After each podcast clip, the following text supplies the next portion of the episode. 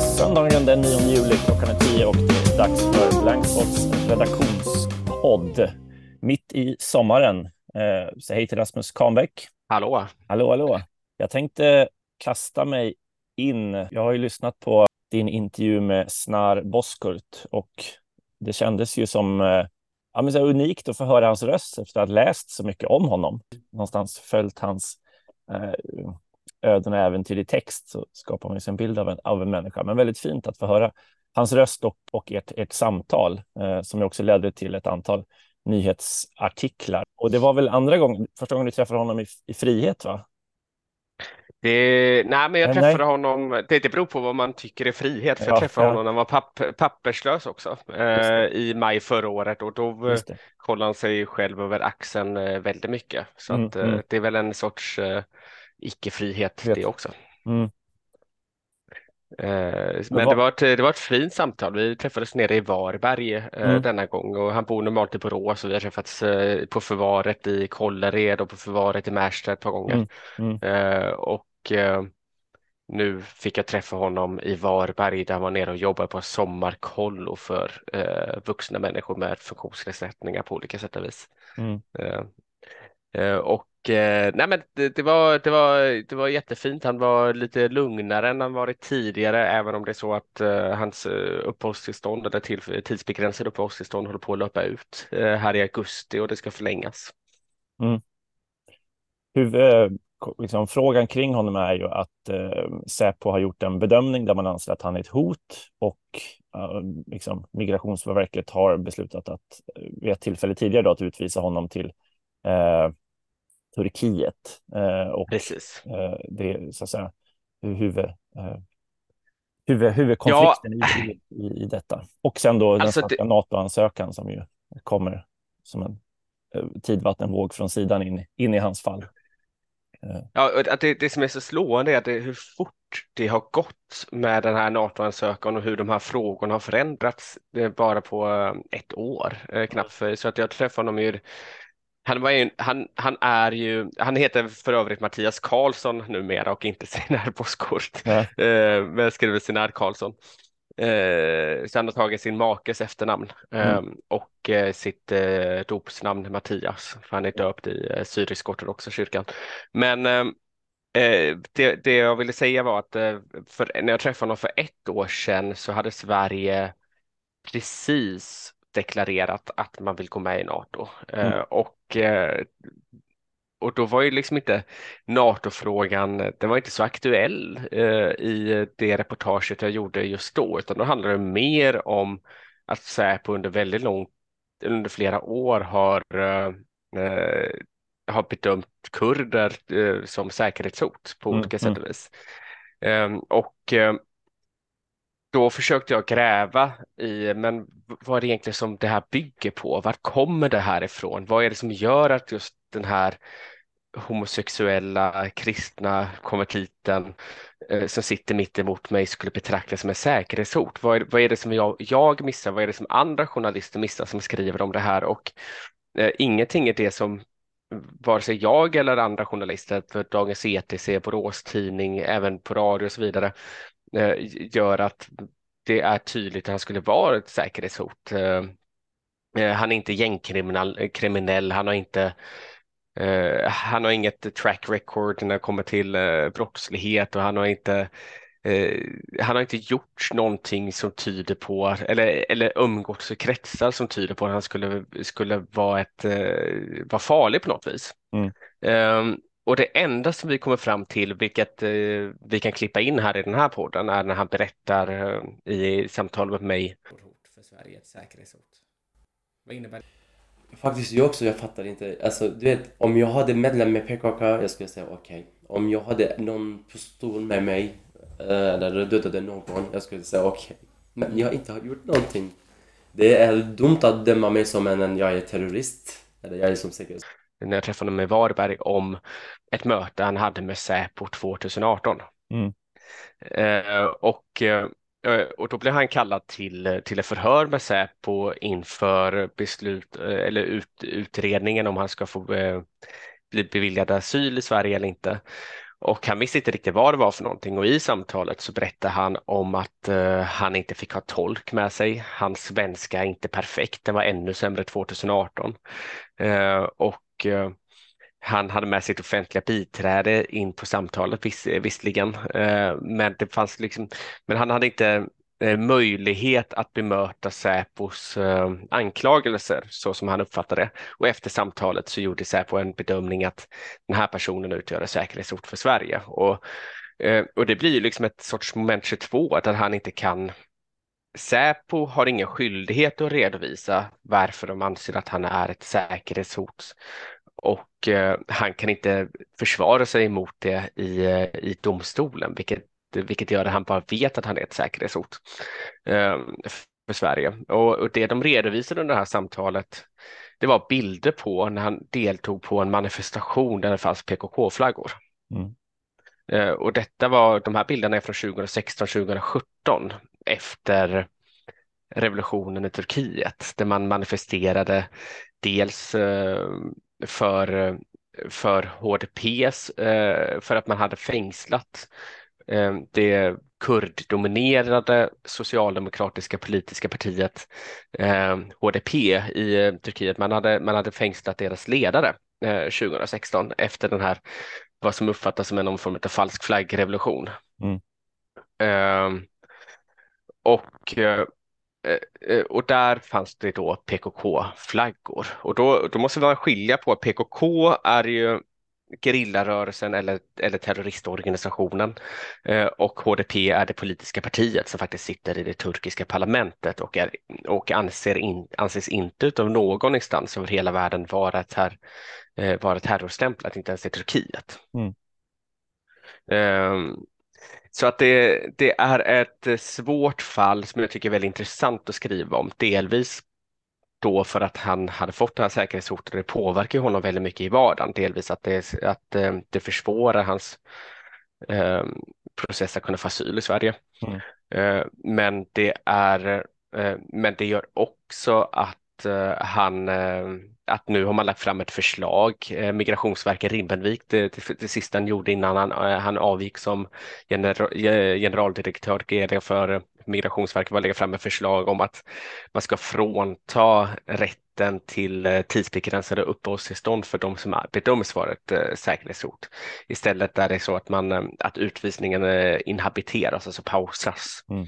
Eh, och vad det innebär är att man inte får ta del av välfärdstjänster såsom sjukvård. Man får, inte, man får inte arbeta i Sverige. Man, får inte, man kan inte tjäna pengar, man kan inte, det är massa saker man inte kan göra. Man kan bara vara här som en svamp i väntan på mm. bättre tider. Liksom. Mm. Uh, så, att det, så att de här reportagen berättar en hel del om NATO-processen. Uh, de berättar, det, det är en berättelse om hur, hur man politiserar asylärenden. Eh, men det är också en berättelse om hur Säpo arbetar och hur svårt det är att försvara sig eh, mot, mot säkerhetsbedömningar. Mm. Eh, och det är ju ett, och det är till syvende och sist ett demokratiskt problem. Det fin finns det inga möjligheter att få Säpo att göra en ny prövning? Du är inne på det i, i, i texten och ställer ju den frågan några gånger, men Ja, alltså, ja, men så, att, så att ordningen är att eh, Migrationsverket skickar ett ärende på remiss till Säpo om de har uppfattat någonting i sitt ärende som skulle kunna eh, bedömas utifrån ramarna av ett säkerhetshot. Mm. I detta fallet eh, handlar det nog om hans kurdiska, politiska kurdiska kopplingar, eh, skulle jag tro. Eh, och, eh, och då, då yttrar sig Säpo för ärendet och eh, gör, en, och gör då en, en sån här intervju som man har gjort med honom. Mm. Så att det svaret jag har fått, så jag har ställt frågan till både Säpo och Migrationsverket. Finns det möjlighet att omvärdera den här utvärderingen jag har gjort av Sinar? För att så som det ser ut just nu så bygger den på ett beslut från Säpo från 2018.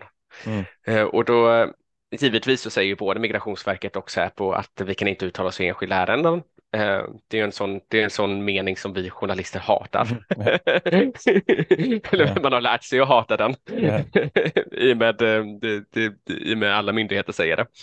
Eh, eh, och, eh, men vad de säger är att eh, ett ärende är aldrig stängt så att, de, eh, så att man skulle kunna utvärdera det på nytt igen. Så att eh, genom att ställa frågorna till Migrationsverket och till Säpo så väck, det är ett sätt att också väcka frågan om det är, rim, om det är en rimlig bedömning. Mm, mm.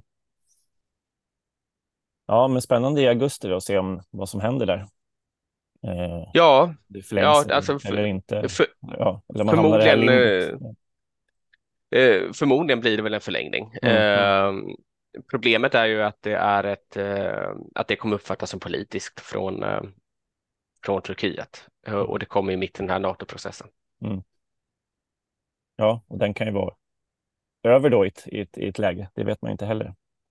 Det blir ju Eh, väldigt tydligt ja, om den är ja, över, för det ja. förra året så gjorde man bedömningen att, Mm. eh, att, att det fanns skyddsskäl i Sverige på grund av tortyr i Turkiet och eh, Mm. i och med att de har utmålat honom som PKK-anhängare efter eh, granskningar. Mm. Eh, men eh, så att det skulle vara, det skulle vara väldigt tydligt avbräck mot förra årets bedömning. Ja, eh, in och läs de eh, texterna. Eh, de hade också stängt ner hans bankkonto, vilket gjorde en, en nyhetsartikel eh, artikel om eh, Mm. och uppmanar ju då till att hans ärende ska utredas igen.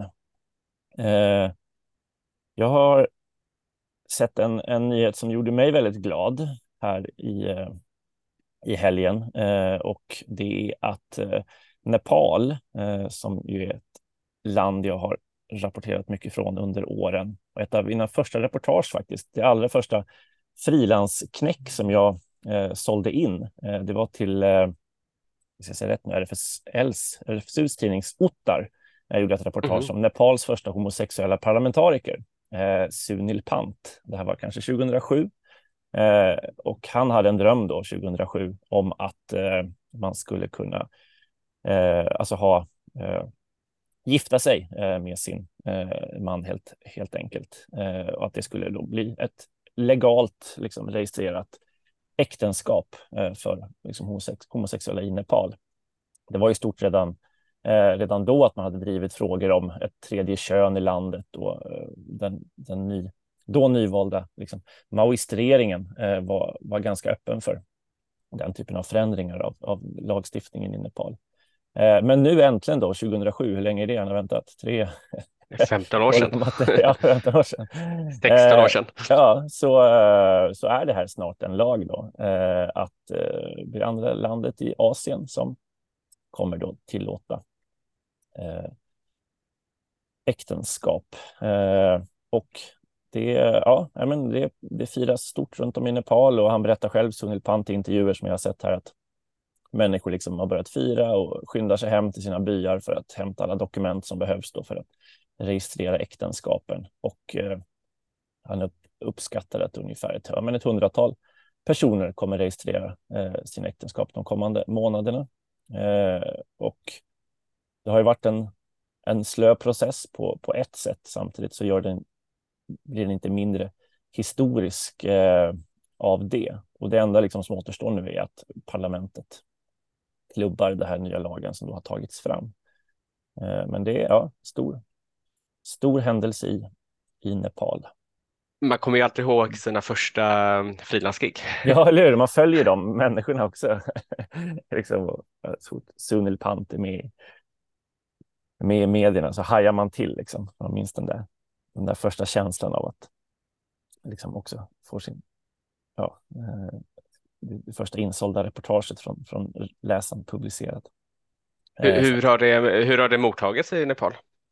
Nej, men väldigt positivt. Alltså det, eh, eh, det kanske finns ett, liksom en traditionellt en bild av att eh, man eh, liksom ser ner på eller liksom stigma och diskriminering och, och det finns ju, men, men det är ingen eh, eh, alltså, stridsfråga på, eller politiserad fråga riktigt på samma sätt som, eh, som den, den svenska debatten var vid den här tiden eh, när, när Sverige införde det här. Det är också lite intressant att man ju någonstans går före. Jag menar 2007 var inte den svenska debatten där den, den nepalesiska, vad då? Eh, så att det är ju mm. ja, länder i Asien som går före väst i de här eh, frågorna kring eh, hbtqi. Ja, det... Ja, vad spännande. Ja, spännande. Det, mm. Eh, får hoppas att, eh, och det var, får hoppas att det blir eh, stort och att det mottas, eh, mm. mottas väl också. Yes.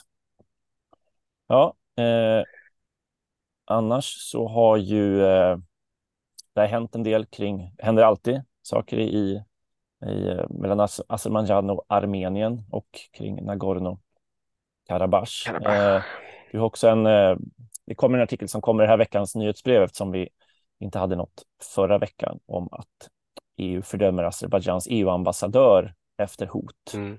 Eh, och det fortsätter, ja. ja. men det, alltså, alltså där fortsätter den historien. Så, så vad, det, vad det bygger på är att EU, eh, e att Azerbajdzjans EU-ambassadör uh, la upp en tweet mot, det, där på, en, uh, på ett krypskyttegevär där han skriver mm. att uh, om, om ni närmar er gränsen så kommer vi skjuta er i princip. Mm. Och det är då mot en, en EU-delegation av EU-parlamentariker. Mm. Eh, och det är ju ganska explicit så att de EU-parlamentarikerna reagerade och sa men vadå håller du på att hota oss för att vi gör vårt jobb? Mm. Eh, kan inte vi resa till Armenien och eh, undersöka hur läget ser ut här? Eh, och, då, mm, och då har både EU-kommissionen och EU-parlamentets ordförande gått ut och sagt att det här är inte okej beteende. Mm. Och EU-kommissionen säger att de har varit väldigt tydliga i att de har kallat upp den här azerbajdzjanska EU-ambassadören och givit honom en, en ordentlig reprimand och sagt att om det här händer en gång till då blir du deklarerad persona non grata.